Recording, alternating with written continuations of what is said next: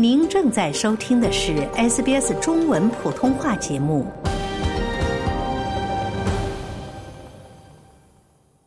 二零二三年是不平凡的一年，这一年在房价的恐慌情绪中开始，也在恐慌情绪中结束。联盟党国库部发言人泰勒描绘了一幅严峻的画面。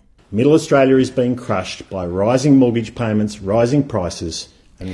澳大利亚的中产阶级正被不断上涨的房贷、不断上涨的房价和不断上涨的税收压得喘不过气来。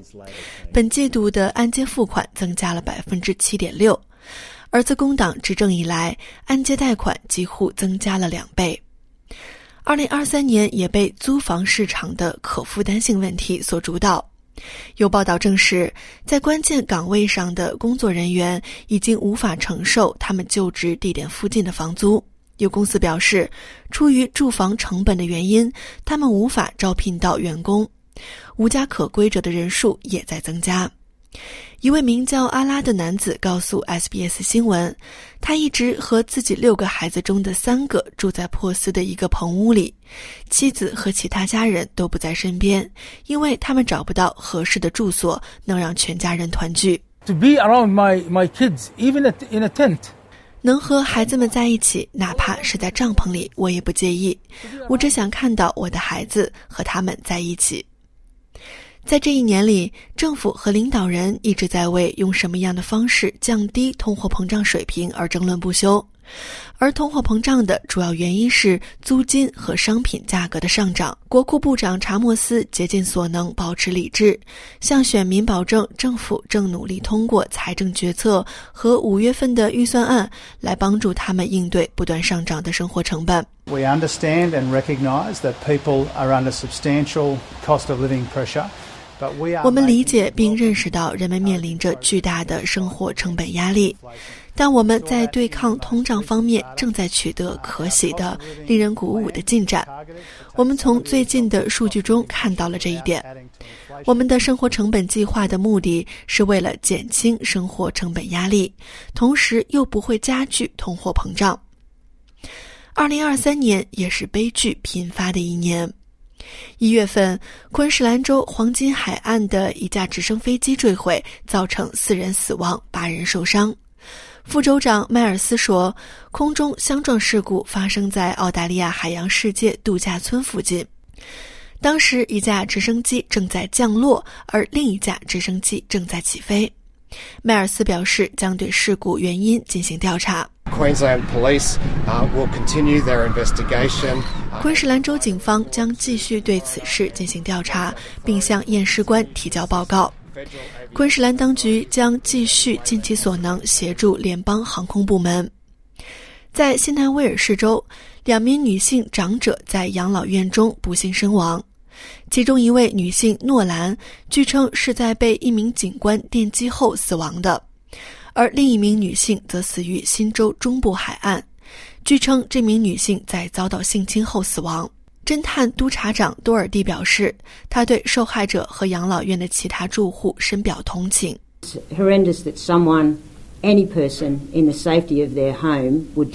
每一个人，任何一个人在安全的家中受到这样的袭击都是可怕的，而且是袭击一位手无寸铁的老太太，这让人难以置信。在政治舞台上，还发生了一些其他的重大事件。原住民议会之声公投在二零二三年举行，这项公投被全面否决。Yes 运动的负责人帕金说：“他们对这一结果表示非常痛心。” I want to speak very directly to those Australians who voted no with hardness in your hearts. 我想非常直接地对那些狠心投了反对票的澳大利亚人说，请你们理解，原住民和托雷斯海峡岛民从未想过从你们这里拿走任何东西，我们从来没有，也永远不会伤害你们。我们想要的只是与你们一起讲述我们的原住民故事，传承我们的原住民文化。在政治方面，新南威尔士州在三月份的州选举中产生了新一届州政府。工党全面击败了联盟党，新南威尔士州工党的胜利使得塔斯马尼亚州成为唯一一个由自由党政府执政的地区。与此同时，2023年还有两位州长辞职。昆士兰州州长帕拉什伊退出了昆州政坛，而维多利亚州州长安德鲁斯也辞去了维州州长一职。You never want to get to a place where you resent this job. 你永远都不想怨恨这份工作，怨恨这个令人惊叹、荣幸而重要的机会。每一个清醒的时刻，我都在为工作忙碌，但一直这样持续做下去的时间是有限的。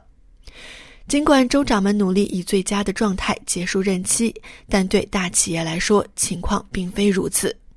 十一月，Optus 发生网络故障，导致数百万人无法使用电话和互联网连接。据说，有些人还无法拨打紧急电话零零零。Optus 的首席执行官罗斯马林出席了议会听证会，为公司的应对措施道歉和辩护。The reality is that our network should have coped with this change. 事实是，我们的网络本应该应对得了这种变化，但这次却没能成功。我可以自信地向澳大利亚公众保证，我们已经立即对我们的系统进行了升级，以确保这个特定问题不会再次导致上周发生的这种故障。虽然 Optus 得以幸存，但首席执行官却未能幸免。罗斯马林的离职是今年第二起备受争议的商界辞职事件，第一起是澳洲航空公司 Qantas 的首席执行官乔伊斯的辞职事件。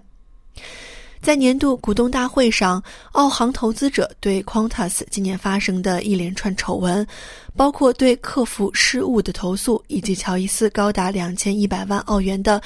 最后一笔离职赔偿金感到愤怒，但新任首席执行官赫德森表示，他决心重建澳航的品牌和声誉。While we arrive at this moment with some big challenges，虽然我们此刻面临着一些巨大的挑战，但我们也拥有一些巨大的机遇和一个令人兴奋的未来，一个见证我们品牌复苏的未来。与此同时，二零二三年也有一些轻松的时刻。澳大利亚女演员罗比主演的电影《芭比》创下了票房纪录，《芭比》在互联网上也占据了主导地位。谷歌在其2023年的年度搜索结果中确认，《芭比》击败了《奥本海默》，位居电影趋势排行榜榜首。罗比说，他对这部电影的反响非常满意。It's incredible the enthusiasm people have shown all around the world. 这太不可思议了！世界各地的人们都表现出了极大的热情，人们和自己的朋友一起穿着粉红色的衣服，打扮得漂漂亮亮，同时还有很多男性来观看这部电影，我简直太激动了。二零二三年也掀起了一股对 Taylor Swift 演唱会门票的疯狂抢购热潮。二零二四年二月，Taylor Swift 将在墨尔本和悉尼举行演唱会。安娜兰莎州是幸运的粉丝之一，她成功的抢到了门票。Oh, I've been Swiftie fan since I was in high school. Actually，我从高中时代起就是 Swift 的歌迷。事实上，我和我前男友在一起的时候，《Love Story》是我们两个人的主题曲。从昨晚开始，我就没有睡好。我大概醒了三次，就为了看看手机上的时间。对澳大利亚来说，二零二三年一个意想不到的亮点是查尔斯国王的加冕典礼。澳大利亚派出了一个代表团参加。十四位特邀嘉宾包括澳大利亚最著名的运动员、艺术家和倡导者，与总理阿尔巴尼斯、总督赫尔利以及各州州长一起参加了查尔斯三世国王的加冕典礼。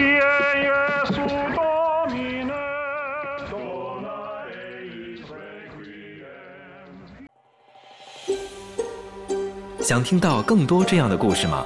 您可以通过苹果播客、谷歌播客、Spotify。或者您喜爱的方式下载收听。